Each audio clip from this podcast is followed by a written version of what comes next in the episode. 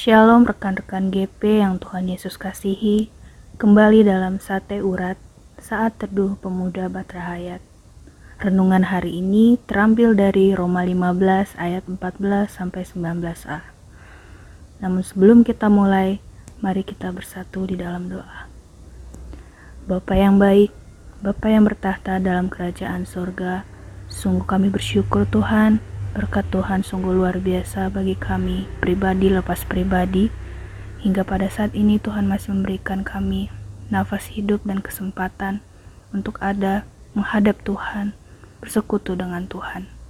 Sebentar kami akan merenungkan firman Tuhan, Tuhan yang memberkati kami, membuka hati dan pikiran kami, supaya kami mengerti apa yang ingin Tuhan sampaikan dalam kehidupan kami.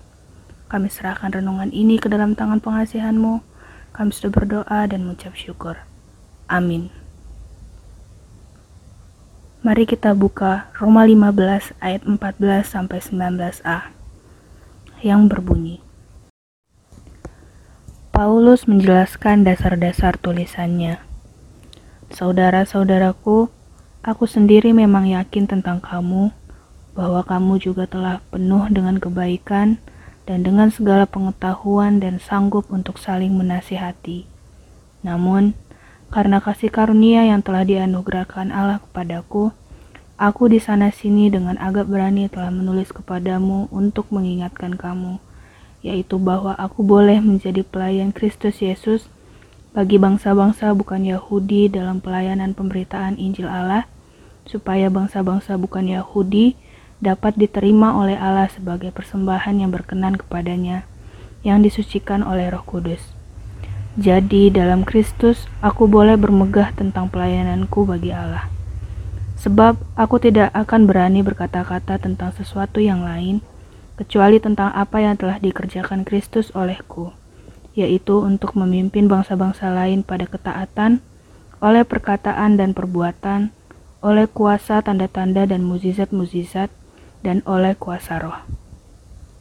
12 November adalah peringatan Hari Ayah Nasional yang dilakukan untuk memberi penghargaan terhadap peran ayah dalam mewujudkan keutuhan dan kebahagiaan keluarga. Banyak penelitian kekinian yang menyimpulkan bahwa peran ayah dalam pengasuhan anak adalah sama pentingnya dengan peran ibu.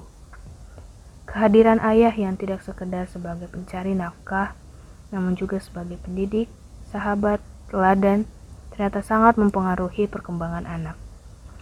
Bisa dikatakan bahwa sesungguhnya seorang ayah adalah juga pelayan Tuhan di tengah keluarganya.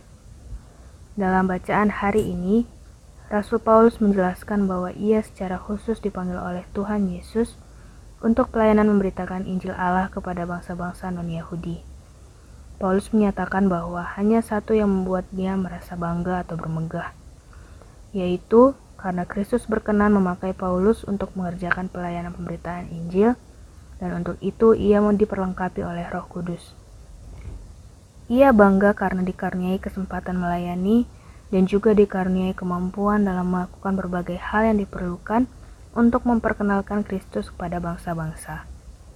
Jika dikaitkan dengan Hari Ayah Nasional, kita dapat menghayati bahwa sebagai seorang pelayan di tengah keluarga, Kebanggaan seorang ayah adalah karena ia diberi kesempatan untuk menjadi seorang ayah.